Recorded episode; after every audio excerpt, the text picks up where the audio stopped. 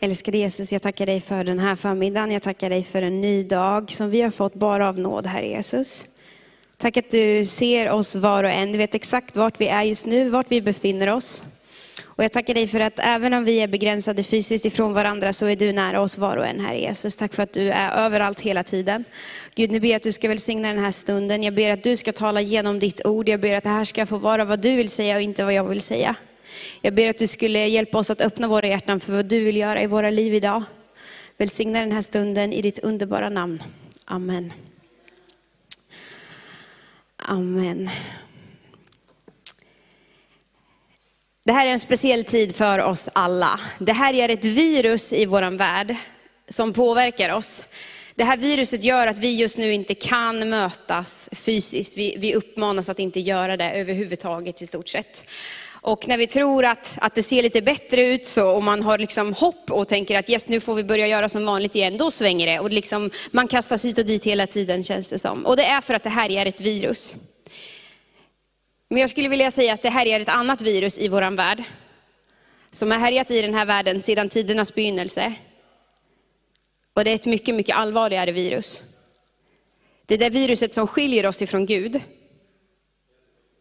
som påverkar vår relation med Gud. Där vi var och en är skapade att leva i en nära relation med Gud. Det som vi med ett samlingsnamn kallar för synd. Och vi har så lätt att läsa in så mycket i ordet synd. Och vi tänker direkt tror jag på massa olika så saker. Ja men det där är synd, det där är synd, det där är synd. Synd kan vara så många olika saker. Det är egentligen allt det som på ett eller annat sätt skiljer mig ifrån Gud. Det är det som på ett eller annat sätt stör min relation med Gud. Det är ett virus. Som jag skulle vilja säga är så mycket, mycket allvarligare än corona. Och det här skulle jag vilja tala lite om idag. Vi har ju fått uppmaningen gång på gång under den här våren och vi får fortfarande att har du symptom, stanna hemma. Och jag skulle vilja säga idag att har du symptom, omvänd dig. Vänd dig till Jesus. Och jag kommer liksom gå in lite mer på vad jag menar med det. För jag tror att ehm, eh, ett, ett symptom som vi liksom har blivit uppmanade att vara så här vaksamma på den här våren, det är att ta, vi ska ta tempen. Man har ju sett liksom på flygplatser och på massa olika offentliga platser så står de med såna här eh, termometrar och skjuter i pannan på folk och kollar. Har man feber, då är det ett symptom, då ska man undvika eh, att gå in där eller att vara där helt enkelt. Och jag tror att vi behöver ta vår andliga temp och se om det faktiskt är någonting som inte stämmer. Det är ju det eh, liksom, tempen gör. Vi fick barn här för några månader sedan och då blev vi uppmanade att köpa en termometer. Det är en jättebra investering, det behöver man ha och det har vi gjort. Och sen så tog vi tempen och så märkte vi att, ja just det, man kanske ska veta vad en normal temp är också. Eh, så den hjälpte oss inte så mycket i början, men det har vi lärt oss nu. Det är jätte, jättebra med en termometer för att se om vi har feber. Och jag skulle vilja utmana dig att ta din andliga temp idag. Det en feber säger, alltså när vi tar, när vi tar termometern och tar tempen på oss själva, då, då indikerar den om någonting i systemet inte stämmer. Det är det liksom febern säger oss. Febern säger att okej, okay, det är någonting i din kropp, det är någonting i ditt system som kroppen kämpar emot. Och det är därför febern går upp. Tempen går upp om man får feber. Och på samma sätt tror jag det kan vara i våra andliga liv, alltså i våra själsliga liv. Vi kan få feber. Och det är en indikation på att det är någonting i systemet som inte är som det ska. Det är någonting i systemet, vi är påverkade av ett virus som stör min relation med Gud. Synden stör i min relation med Gud. Och det kan som sagt vara så många olika saker. Men Jesus talar faktiskt om det här. Han likställer synden med att faktiskt vara andligt sjuk, själsligt sjuk. Och vi ska kolla lite på det här. Vi ska läsa tillsammans i Lukas, det femte kapitlet. Ifrån vers 27. Och där står det så här, Lukas 5 och 27. Sedan gick Jesus ut och han såg en tullindrivare som hette Levi sitta vid tullhuset. Han sa till honom, följ mig. Då lämnade Levi allt och reste sig och följde honom. Levi ordnade en stor fest för Jesus i sitt hem och en stor mängd tullindrivare och andra låg till bords med dem. Fariseerna och de skriftlärda kritiserade hans lärjungar och frågade, varför äter och dricker ni med tullindrivare och syndare? Jesus svarade dem, Det är inte de friska som behöver läkare, utan de sjuka. Jag har inte kommit för att kalla rättfärdiga till omvändelse, utan syndare. Jesus kommer här till en ung man som heter Levi och säger Levi följ mig. Han bjuder in Levi till en relation med honom själv och Levi säger ja till den inbjudan. Han bjuder in Jesus och de har en stor fest. Då kommer de skriftlärda, alltså de som tyckte att de hade allting rätt ställt med Gud. Allting såg bra ut på utsidan. De kommer att kritisera Jesus och hans lärjungar. Och säger varför äter du med syndare? För i den liksom judiska traditionen, i den judiska lagen så ansågs man bli oren om man själv åt med syndare så kommer han och säger, varför gör du så här? Varför äter ni med dem? Och då ger Jesus det här otroligt intressanta svaret. Att det är inte de sjuka som behöver läkare. Jo, det är de sjuka som behöver läkare, inte de friska. Jag har inte kommit för att kalla rättfärdiga till omvändelse, utan syndare. Jesus ställer här två olika tillstånd emot varandra och han säger att du kan vara sjuk och då behöver du en läkare. Och på samma sätt så kan man vara syndare och genom omvändelse bli rättfärdig. Det är två olika saker. Man är frisk eller sjuk. Man är syndare eller rättfärdig. På samma sätt som den sjuka behöver läkaren, så behöver syndaren omvändelse till Jesus. Och det är därför jag menar att har du symptom idag, så omvänd dig. Vänd dig till Jesus. Vi kan få bli rättfärdiga. Och vad är att bli rättfärdig? Att vara rättfärdig, det handlar om att vända sig till Jesus, så att det inte längre finns någonting som stör i relationen med Gud. Att det som stör i mitt system får försvinna. Och vem är då i behov av att få bli rättfärdig? Det kan vi läsa om i Romarbrevet, det tredje kapitlet. Det står så här i vers 23. Alla har syndat och saknar härligheten från Gud. Och de förklaras rättfärdiga som en gåva av hans nåd, därför att de är friköpta av Kristus Jesus. Vem behöver bli rättfärdig? Vem är andligt sjuk, om vi då skulle kalla det så? Alla. Alla har syndat och saknar härligheten från Gud. Det gäller inte bara några få, det gäller inte bara de där vi kanske tycker att vi kan se synd på utsidan. Det gäller alla. Alla behöver omvända sig och komma till Gud.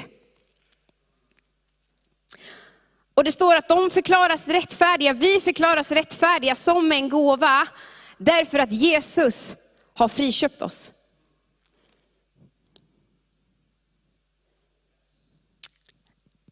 Det handlar inte om vad du och jag kan göra utan om vad Jesus redan har gjort.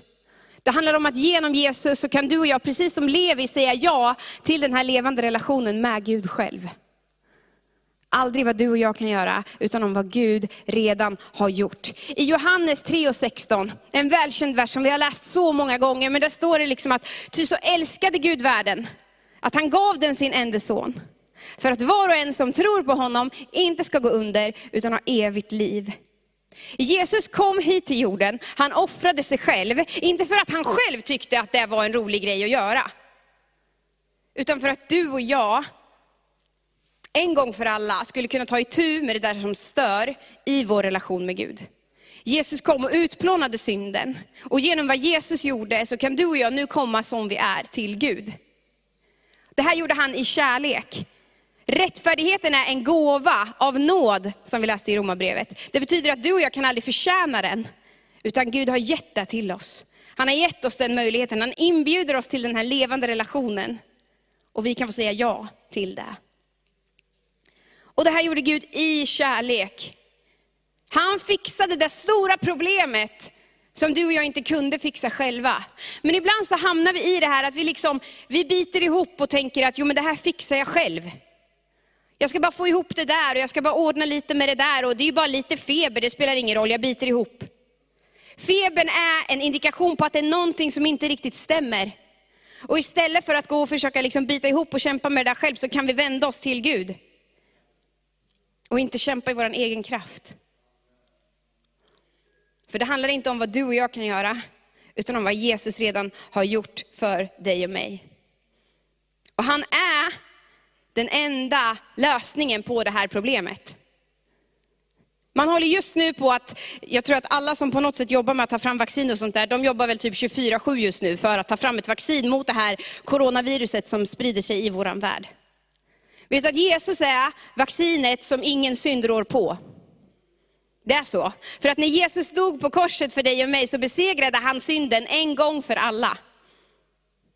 Han kan utplåna all synd. Han besegrade ondskans makt när han dog och uppstod för våran skull på korset.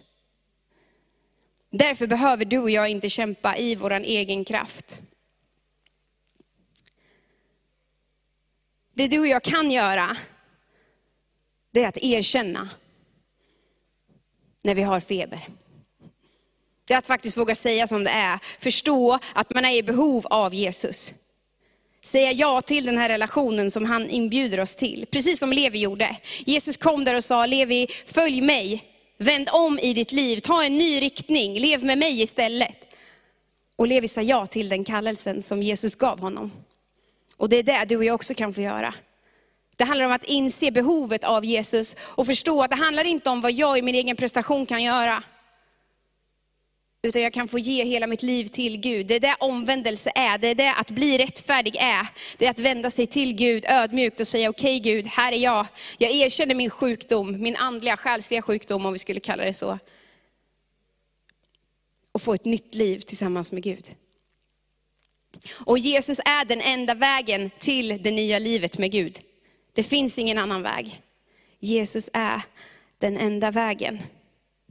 Bibeln talar faktiskt väldigt, väldigt tydligt om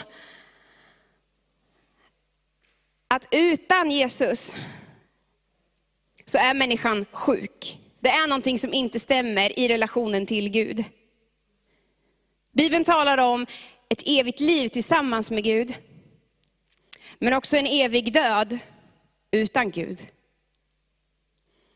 Att få ge sitt liv till Jesus, det är fantastiskt för ditt liv här och nu. Det handlar om att du får ett nytt liv med början idag. Och då kommer det börja en process i dig, ett nytt liv tillsammans med Gud. Men det nya livet tillsammans med Gud, det slutar inte här och nu, utan det sträcker sig ända in i evigheten. För vi läste det i Johannes 3 och 16 att för var och en som tror på honom ska inte gå under utan ha ett evigt liv. Var och en som tror på Gud får ett evigt liv. Men det betyder ju också att var och en som inte tror går under. Och vi pratar inte om det här så ofta och det är för att det är otroligt jobbigt tycker jag. Det är otroligt jobbigt att prata om det här men Bibeln är tydlig. Bibeln talar om att det finns ett evigt liv med Gud och det finns också någonting annat. Precis som man är, man är sjuk eller man är frisk. Man är syndare eller rättfärdig. Det finns ett evigt liv. Och det går att gå förlorad.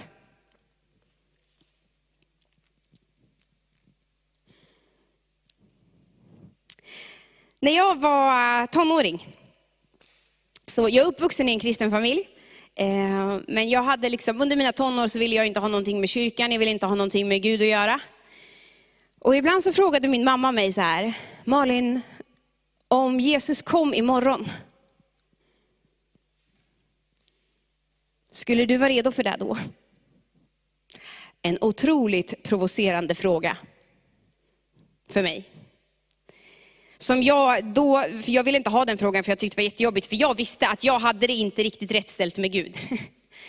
Därför var den frågan otroligt jobbig för mig. Och jag, jag reagerade med ilska varje gång hon frågade så. Min mamma sa inte det här till mig för att skrämma mig. Hon ville inte skrämma mig till att jag skulle leva i en relation med Gud. Hon sa det i kärlek till mig. Och hon ville utmana mig att faktiskt tänka den tanken. Hur har du det med Gud? Hur ser er relation ut? Alltså finns det någonting i systemet som stör? Och jag tror att du finns här som följer den här livestreamen som om du skulle få den frågan, om Jesus kom tillbaka imorgon, skulle du vara redo för det då? Du får panik när du hör den frågan. Och det är en indikation på att någonting i systemet inte är som det ska. Det är en indikation på att det finns någonting som du ska ta tag i idag, tillsammans med Gud. För jag tror inte att vi ska bli rädda, vi ska inte bli oroliga när vi får den frågan. Utan vi ska leva i en relation med Gud där vi känner att, wow, tänk om Gud kom. Tänk om Jesus kom tillbaka. Det är någonting underbart, det är någonting som du och jag kan få längta efter. Det är inte fel att älska sitt liv här på jorden, jag tror inte det. Vi ska leva här och vi liksom gör allt vi kan, men vi behöver också vara redo för att Jesus har sagt att han ska komma tillbaka. Och han vill inte att vi ska vara rädda för det, utan att vi ska få längta efter det.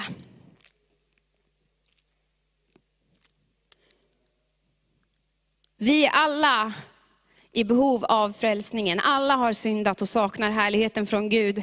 Men blir rättfärdiga, varför då? Jo, för att Gud har gett oss den gåvan, för att han gav sig själv.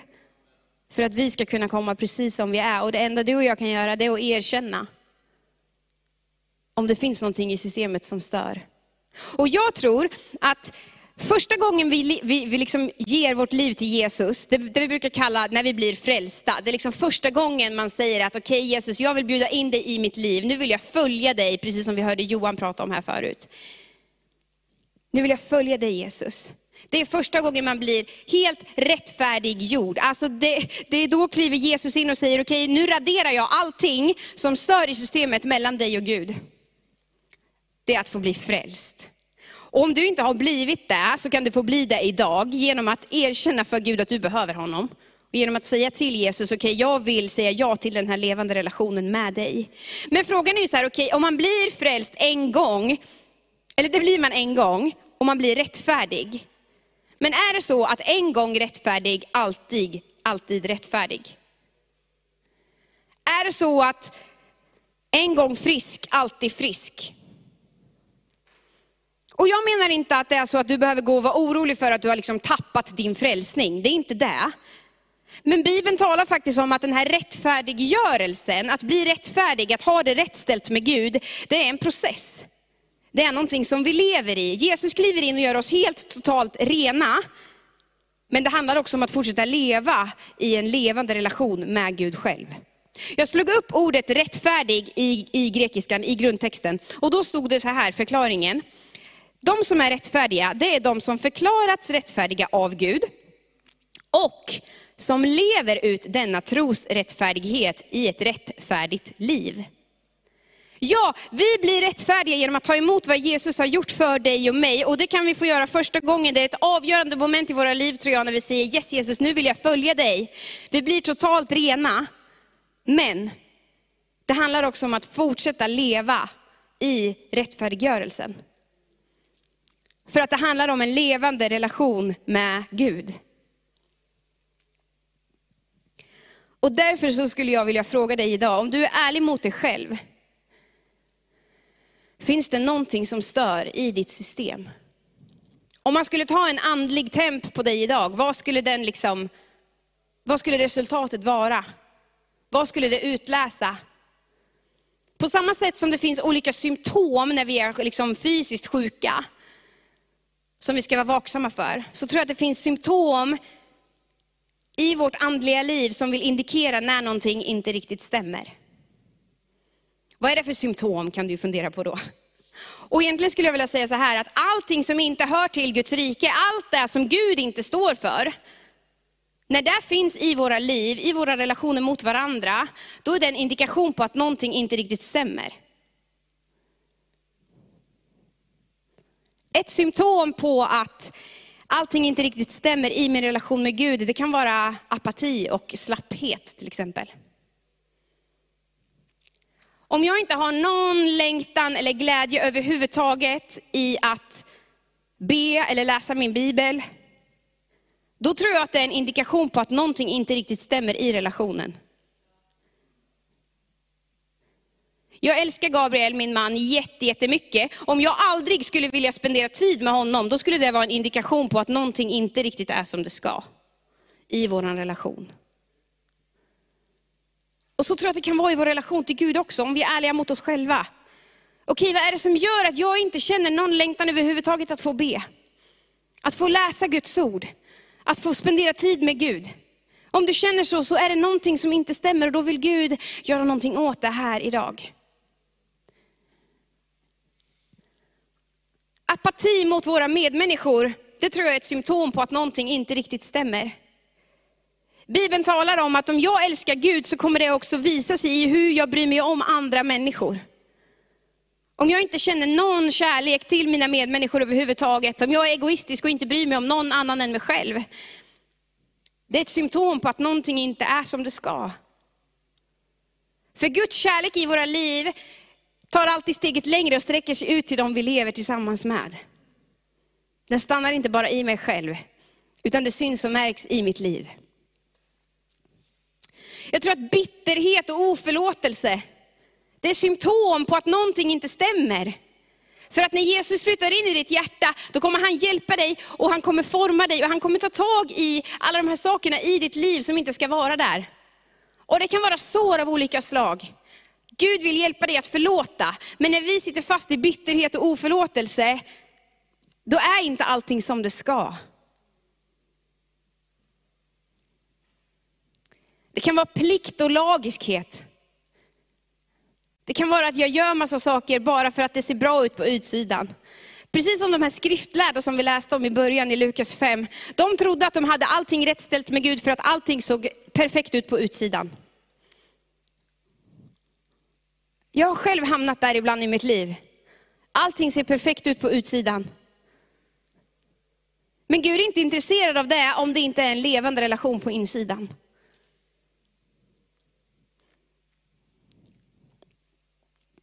Var ärlig mot dig själv idag. Våga ta din andliga temp och se vad den faktiskt säger. Vad är resultatet? Och om det är så att det finns något område i ditt liv där du märker att jag har feber här, det är liksom, någonting stämmer inte riktigt. Då är omvändelsen lösningen. Alltså att vända sig till Jesus och säga, okej okay, Jesus, jag behöver dig. Jag vill ha dig i mitt liv, jag vill ta emot det du gjorde för mig. Idag vill jag börja om.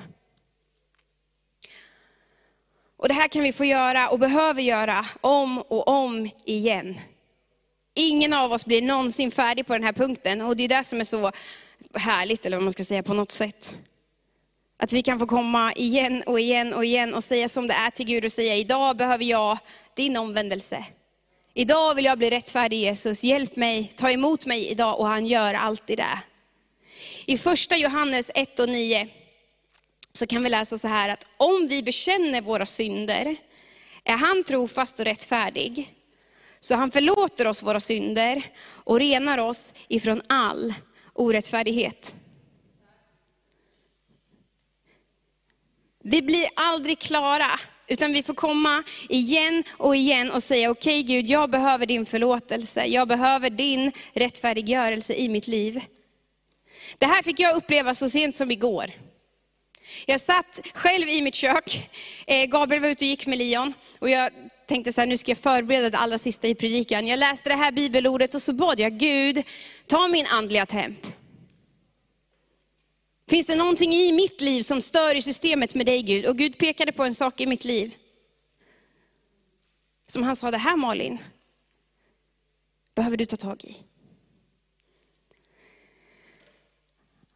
Och jag var tvungen att bekänna inför Gud och säga, okej okay, Gud, ta det här ifrån mig, rena mig ifrån det här. Och jag fick uppleva Guds ande i mitt kök.